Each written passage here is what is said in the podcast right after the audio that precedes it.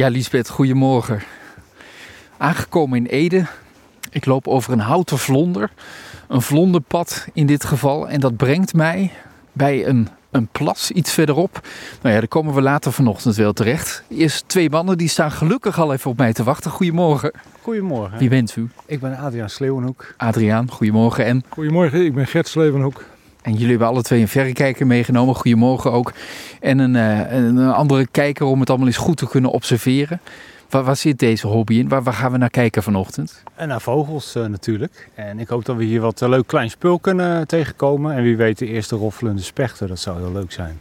Is het die tijd alweer? Is het zo vroeg in het jaar al tijd voor roffelende spechten? Ja, echt. Jacques P. Thijssen, de grondlegger van de Nederlandse Natuurbescherming, die zei vroeger al: het voorjaar begint op 1 januari. Dus het is echt al eh, begonnen. Dan zijn we er nog laat bij eigenlijk, als je dat zo zegt. Als je zo zegt wel, ja, klopt. Ja. Hoe lang zit dat vogelen al in jouw bloed? Nou, ik noem het zelf altijd een genetische afwijking. Eh, ik doe het al nou, inmiddels bijna 35 jaar. Dus eh, echt lang. Ja, bijna mijn hele leven.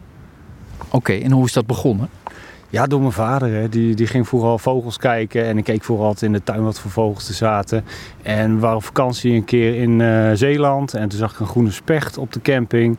En ja, toen is het kwartje gevallen of zo. Een knop omgegaan. En eh, het ging pas echt los toen ik zeearenden zag in de Oostvaardersplassen. Dat Oh, maar dat snap ik wel, ja. Dat was fantastisch. Dat Ja. was op eh, 5 januari 1989. Ik weet het nog als de Oh, echt waar? Gewoon de dag nog. De dag, alles weet ik nog. Ja, Ja. super. Ja. Ja. En jouw vader, dat is dus die andere man die we al even hoorden. Hoe lang bent u al behept met de vogels? Eh, inmiddels 63 jaar, vanaf mijn tiende ongeveer. Misschien dat het daarvoor al iets begonnen is, maar eh, dus zo lang eh, loop ik naar vogels te kijken. En ja, het staat eigenlijk altijd aan. Als je Ja, buiten dat is ook een nadeel. dat kan voor sommige mensen Ja. waar je mee omgaat een nadeel zijn. Ja, ik heb wel eens gehad in een gesprek dat je echt diep aan het praten was en dat je, dat je plotseling, hé, hey, daar hoor ik dit of dat, een gierzwaluw bijvoorbeeld. En dat de ander zei, ho, we zijn nu toch aan het praten. Ja, even wachten, we gaan zo weer verder. Ja, ja. Ja, dat, dat, moet, ja, dat kun je niet, niet negeren dan. Hè? Dat komt Nee. in je hoofd, dat komt binnen en dan moet je daar wat mee. Als je, het is eigenlijk als je wakker wordt, je hoort de vogels buiten zingen. Hè? En eh, van de week op 2 januari dan weliswaar, hoorde ik de eerste roffelende specht. Ja. Dus die was er behoorlijk vroeg bij. Ja, Ja. ja. En hoe bijzonder is het dat je dit met je zoon kunt doen ook? Want voor hetzelfde geld had hij gedacht dat, dat je zo'n zo'n gekke man bent die die vogels maar in zijn hoofd binnen laat komen. En dat hij gewoon wil voetballen en zo. Had ook gekund. Eh, voetbal houdt hij ook van, hè? maar het vogelen is inderdaad rond zijn negende begonnen.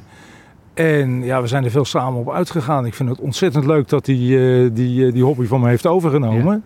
En ik heb nog twee zoons en die zijn allebei ook wel natuurliefhebbers, maar heel anders. En Die gaan er niet fanatiek op uit zoals wij dat regelmatig doen. Ja. En onze dochter die vindt vogels ook wel leuk, maar die heeft een beetje een hekel aan fietsen gekregen. Omdat we bij het fietsen vroeger altijd stilstonden om de klipklap. Want dan zag pa weer dit of dat. en dat is me pas, pas veel later duidelijk geworden. En toen heb ik dat ook wel een beetje aangepast. Maar het blijft lastig hoor. Dat, Ja, eh, ja dat, dat snap ik ook wel. Ik haal heel even de plopkap van mijn microfoon. Dan kunnen we net wat meer geluiden opvangen. De vraag is een beetje wat we door de microfoon terug horen. Maar volgens mij, zelfs met, met deze wind, weten jullie er al allerlei vogels uit te vissen af en toe. Dus ik ga gewoon even luisteren wat jullie horen Ja. aan vogeltjes Ja. op dit moment. Staartmees. Eh, glanskop hoorde, hoorde ik eh, roepen. Zeis. Ja. Het is wel zacht door de wind. En vogels eh, moeten ook voor hun communicatie, als het heel hard waait, dan doen ze wa- wat minder geluid maken, want het heeft niet zoveel zin.